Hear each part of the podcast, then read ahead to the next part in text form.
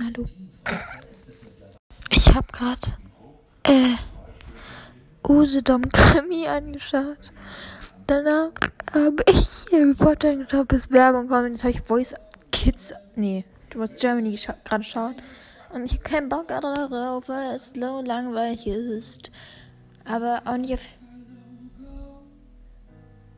Igitt. Deswegen jetzt erstmal umschalten. Ähm, oh, kommt immer noch Werbung bei Harry Potter.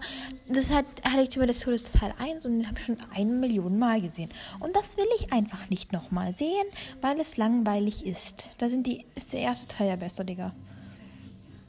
Und ich habe gerade Angst, dass jemand hinter mir steht. Also es fühlt sich so an. Es fühlt, oh mein Gott, es fühlt sich gerade so krass an. Dass ich ich, ich traue mich gerade wirklich 0,0% nicht umzudrehen. Ich kann hier nicht sein, ich kann hier nicht. Ich muss mich dafür jetzt entschuldigen. Ich muss mich jetzt ganz, ganz nach unten. Wir haben so ein Sofa so, das ist so in der Mitte, so man kann da rumlaufen. So, das das steht nicht an der Wand, sondern man kann so da rumlaufen. Deswegen fühle ich mich unwohl.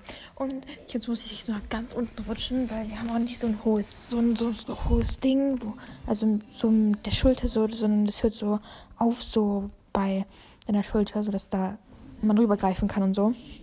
Ähm, und es ist so gruselig, weil es die Wohnung komplett dunkel ist und hier ist niemand, weil meine Eltern, meine Mutter ist nicht da, mein Vater ist im Schlafzimmer, macht irgendwas, keine Ahnung. Meine Schwester ist, ähm, ich wollte gerade sagen, mein Vater masturbiert, aber ist der bisschen gewesen. Okay, ich bin leise, sorry.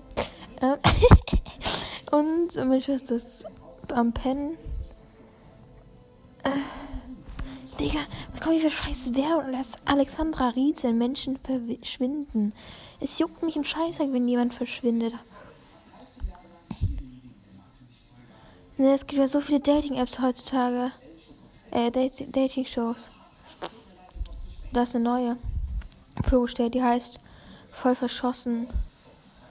Dann kenne ich noch voll verschossen. Also es gibt voll verschossen, dann gibt es Date or Drop.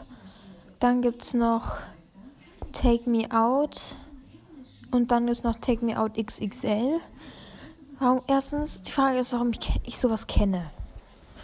Und damit mir klar, weil ich einfach ein Junkie bin. Harry Potter und die Heiligtümer des Todes, Teil 1. Wake up, in, wake up in the morning, brush my teeth before I see my queen take a boom. Oh, bitch, who are you? Bitch, I'm to me the queen. Kein Bock mehr. Ich, ich, ich hab kein, ich, ich, ich hab keinen Bock mehr. Mir geht's nicht gut.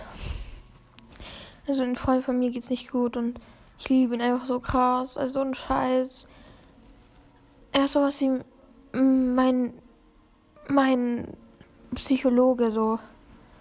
So, so, er hilft mir bei allem. Also bei allem.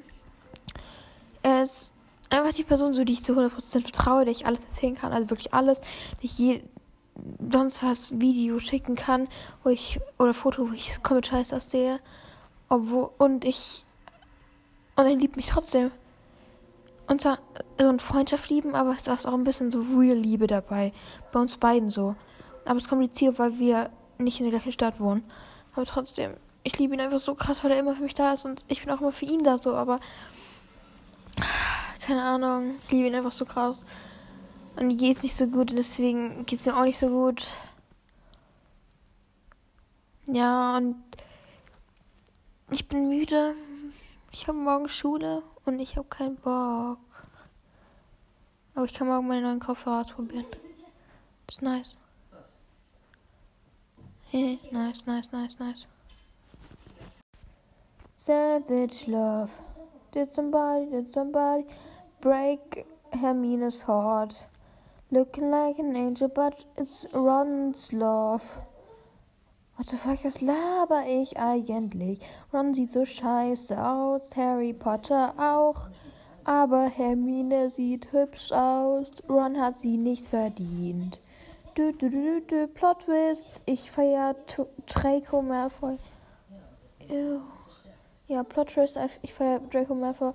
Auch wenn er dann Hurensohn ist, der komplett der Schüsse ist. Ja, aber Harry Potter ist einfach ein Angeber. Und das finde ich uncool. Nee. Up in the morning, brush my teeth before. Das Schwert wurde gestohlen. Ja, ich bin noch hier. Aber macht ruhig weiter, ihr zwei. Lasst euch von mir nicht den Spaß verderben. Lasst euch von mir nicht den Spaß verderben, Ron.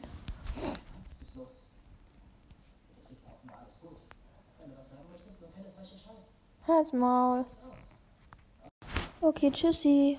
Das war's mit meinem P Podcast. Und ich habe immer noch kein Spotify Premium. Das heißt, liefert immer noch kein Spotify Premium. Peace out.